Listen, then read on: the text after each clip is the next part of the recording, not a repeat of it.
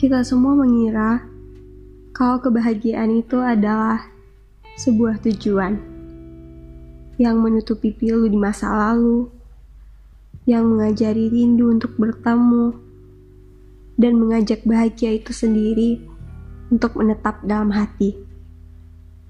Percaya nggak?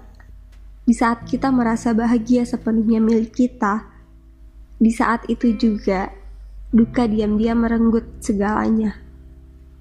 Enggak pernah nanya, apa kita udah cukup bahagianya?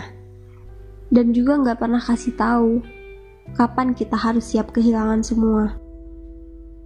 Duka itu datang tiba-tiba, cuma untuk ngajarin kita akan satu hal. Kalau yang seharusnya pergi, belum tentu dapat kembali. Kalau yang seharusnya hilang, belum tentu dapat kita temukan. Kita hanya butuh ikhlas, tidak kekurangan, dan juga berlebihan. Kita butuh sabar untuk mengorbankan banyak penderitaan. Kau percaya ada laut yang tenang setelah bergelombang? Begitu pula kita manusia. Kalaupun bahagia itu harus berduka, kita hanya butuh jeda untuk melewatinya.